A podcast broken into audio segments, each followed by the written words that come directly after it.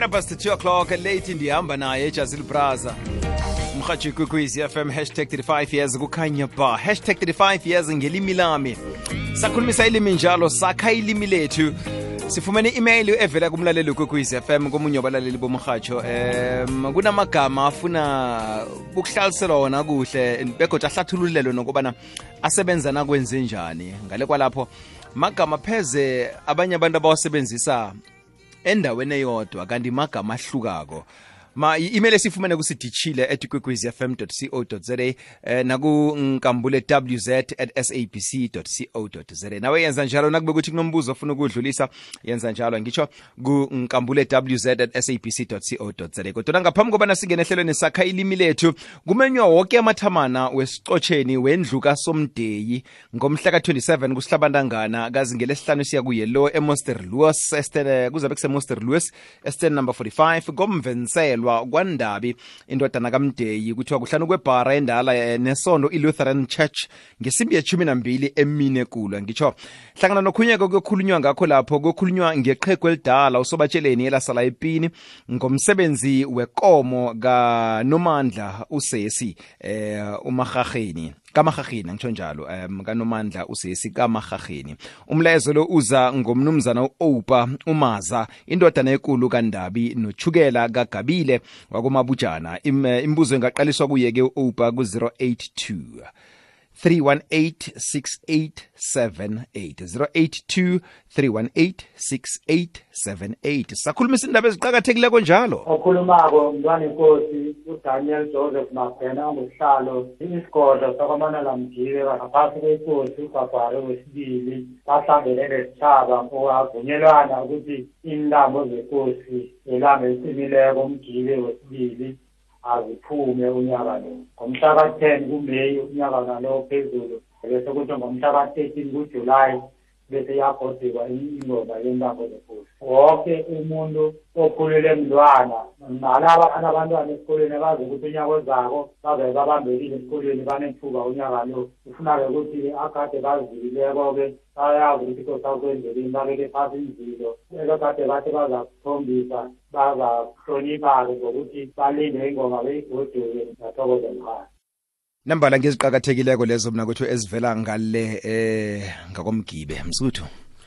Mswelambala nivukile na? Sivukile singabuza kuwe sibuze nakubalaleli bakho bona bavukile na. Nambala ngiyathemba ngiyathemba bavukile. Yabo baba baphatha ngambili nonyaka nje. Ya kunjalo-ke sebazwakele bekosini inrambo eh zekosi eyakhothama kwayo kwamgibe. Siyamuzwa umntwana enkosi usihlalo.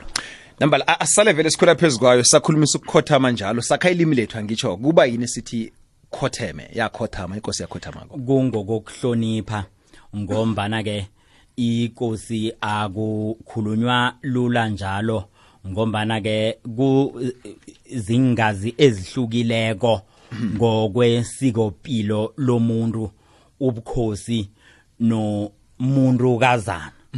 Kuno kazi ke esintwini sekhethu kunomuntu nomuntu kazana manje kulapha ke ukukhulunywa khona ke ngabafokazana. Nakhulunywa ke ngabafokazana kutsho ukuthi iye ungumfo lapha nokho awusuye wengazi so kithi eh umuntu ongasiwo wangikhaya eh ngikho kuzokuthiwa eh amakhosi nabafokazana.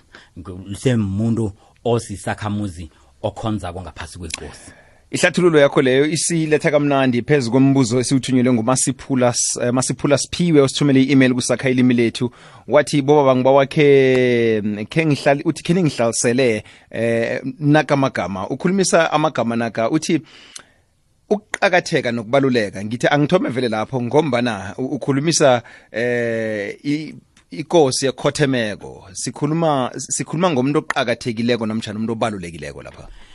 Khumbule bona imvelaphi nendabuko yethu yinye.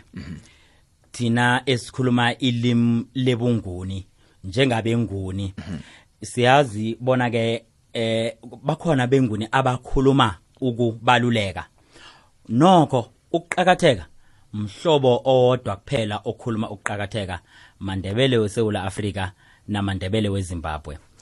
Phambi lapha ke nasisathomako ukusebenza ngalezi zelimi ukubuza kabangaphambi kwethu um abo babu Sikhosana JPS eh ihloko leya ntanga baba uSP baveza ke ukuthi manengi amagama asilahlekelako elimini lethu ngokuhlalisana nemhlobo kanga ngokuthi manengi kangako amagama umzilikazi nakeze emandebele na ama amagama lawo akhamba namandebele athathwa ngumzilikazi.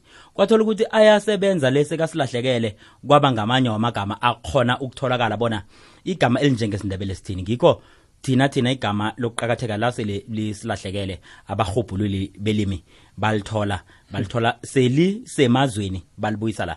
Ngithi kuphele sithi kuqakathekile abanye abenguni bathi balulekile nokho bayakhuluma abanye basho bathi kubalulekile ngombana indabuko yethu i- iyinye.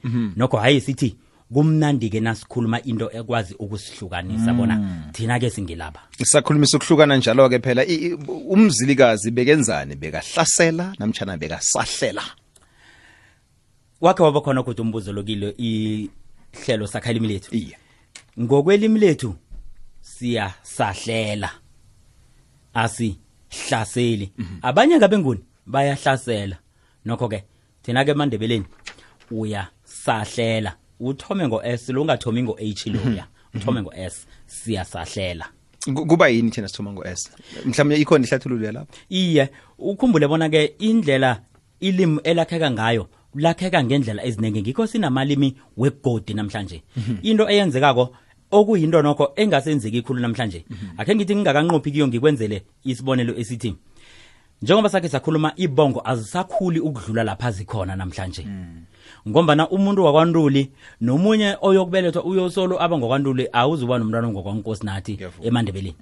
Lapha-ke elimini lalakheka ngaleli ndlela njengokuthi ibongo zazikhula azisakhuli. Ilimi lalakheka ngendlela yokuthi kwaba nomuntu onamandla thize ngesikhuwa nithi influence onamandla wokukhuluma into ngendlela enje nigcina nikhuluma njalo.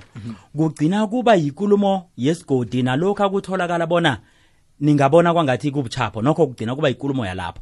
Esinye isibonelo zoba sithi isandla nehlanza.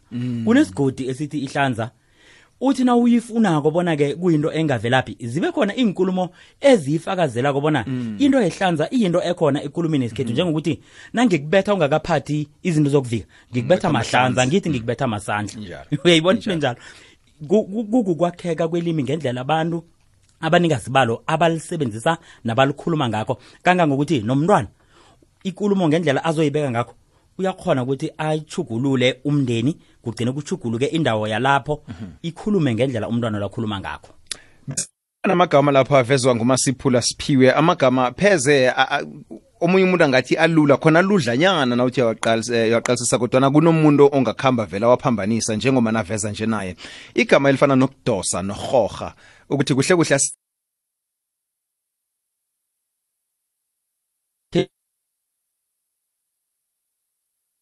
ku okuthiwa figurative asikhulumi ngokufanisa.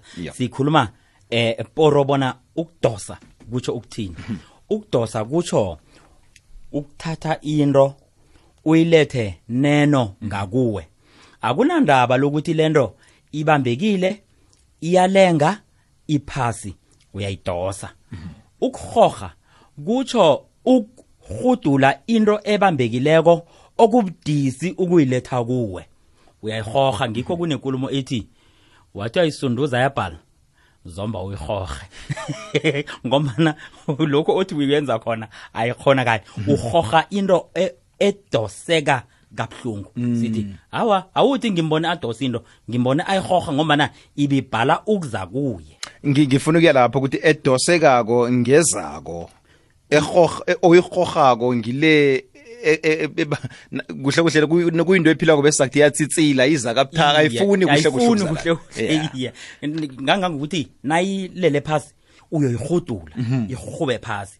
Nayisemoyeni mhlawumbe mhlawumnye ngandlela thize ikhona into ebambileko eyilengako sikubona usiphalazile. Uzama ukuyidosa le nto sithi uzama ukuyihoga ngombana ayivumi ukuza kuwe. Bese ubuza igama lokuthwala nokwembesa. Amagama amabili la ukuthi ahluke njani ukuthwala nokwembesa akhe sithome ngokuthwala. Ukuthwala kubeka phezu kwehloko akunandaba bona ubeka ini phezulu kwehloko. Into oyibeke phezulu kwehloko yakwembesa ihloko uyithwele. Ngisebenzise leli ukuthi yakwembesa ihloko. Ukwembesa kusitha kuvunula. Nokho ke kukhona abaphambanisa ukuvunula nokuthekeleza. Ukuthekeleza kusitha izitho ezifihlakeleko. Ukuvunula kukwembatha uvale umzimba. Kodwana ukwazi ukuthi eh, na usakhumbula nje eh, ukuthi eh, umliganyana lapha thina gijima bathi awa akathekeleze umntwana lo. Batsho ukuthi akafihle le ndawo e- efihlwako. Ngoba nakuthiwa awukathekelezi mhlawumbe ngisingayibeka nge- nge- ngesikhuwa. Bona kunomuntu ohlubule nomuntu obhunibhunu. Abafani.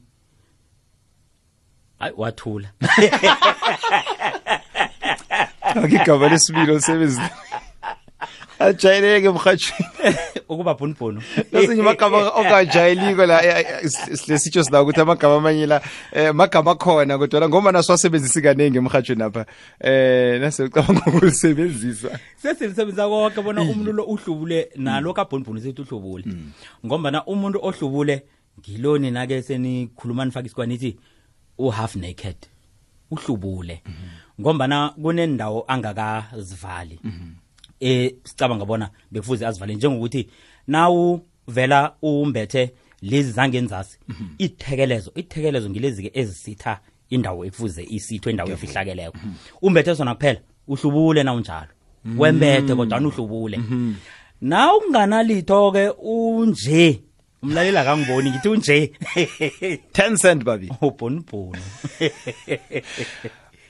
bese kuba negama lokukhalima nokukharameja akufani nangesenzo akufani nangokuthi kutsho ukuthini. Iye. ngombana nawukhalimako uthumela umlayezo wokuthi into enjengaleyo ayifuneki.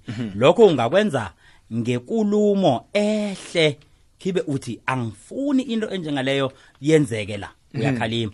Kodwana ukukharameja kulokha ukukhuluma ngobukhali abanye bazokuthi ukhuluma ngokulwa kodwana ukhuluma ngobukhali uyathetha. Ngilokhu-ke esithi nasikhuluma sithi kuthukana. Awisikho ukuthukana ngombana ukuthukana kusebenzisa ihlamba kodwana ukuthetha kulokha nawukhuluma ngobukhali nawukhalima isenzo esithize.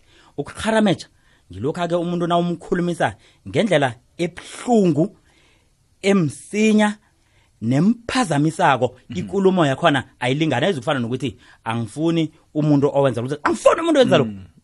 Ngaleso sikhathi ufuna alise lokho ngaleso sikhathi. Uyamkharameja-ke nomenza Uh, usoga i-email yakhe ngokuthi ngilawo mhlalo kwanamagama ebengingawatholisisi kuhle ukuthi sindebele na. Kuhle kuhle magama kusindebele. Um kodwana-ke ngendlela esikhamba siwasebenzisa ngayo ngiyo e- egcine yenza yena ca- wacabanga mhlawumunye ukuthi kunamanye ngasingwesindebele kunamanye ofumana ukuthi um nambala kungesindebele. Kunjalo amaningi khulu kungebanga lo- lo- lokuhlalelana mhlalukwana ngombana-ke akhona amanye eh a- athunyelweko anjengokuthi umlayezo Oh, umlayeza lokhu-ke kaningi kubangelwa kuhlalelana ngombana sihlalelene nezinye eh, intshaba lapha sengiyacabanga abakhuluma bathi umlayeza na ungathi uyalandelela uyokuthola bahlezi eduze namkha banobuhlobo obuseduze nalaba besuthu ngombana Mm, iyokuthi mlayetsha thina sithi mlayezo. Bese-ke eh, liba khona-ke igama elithi eh eh elifana nalo eh kube budisi kabaningi ukulihlukanisa. Bangasatholi bona leli ligama eli vela esindebeleni namkha ngesilibolekileko na I- i- i- iletha nasindaba ye- ye- yegama lokuhlupheka nokuhlaga ukuhlupheka kusabuyela ekulumeni yethu bona imvelaphi yethu yinye. Ngombana umuntu otlhagileko na ungathi uyaliqala igama lokutlhaga nomtlhago imvelaphi yalo lingelobusuthu. Ngombana lingelobupedi bese siba naleli lohlupheka ngombana impilo ikhambe ichuguluka amasiko nelimi. Kithi nase ukhuluma ngokuhlupheka sewukhuluma ngomuntu obhujelweko. Nase uthi umuntu uhluphekile ngombana sekuyikulumo esetshenziswa ekuhlonipheni lokho. Bese izwakale ngcono nawulindebele nawuthi uyatlhaga kunokuthi uthi uyahlupheka. Nokuthi usekwalesikhathi nje kwaphela kodwa napheze si, eh, si, si, si, sihlathulule woke amagama ebekafuna ngathana ngafumana ihlathululo kiwo. Kodwa nakwenzileko ukuthi uthumele i-email kunkambule wz at sabc co za nduli nw at sabc co za sakha ilimi lethu. Hashtag 35 years ngelimi lami. Ikwekwezi fm kukhanya ba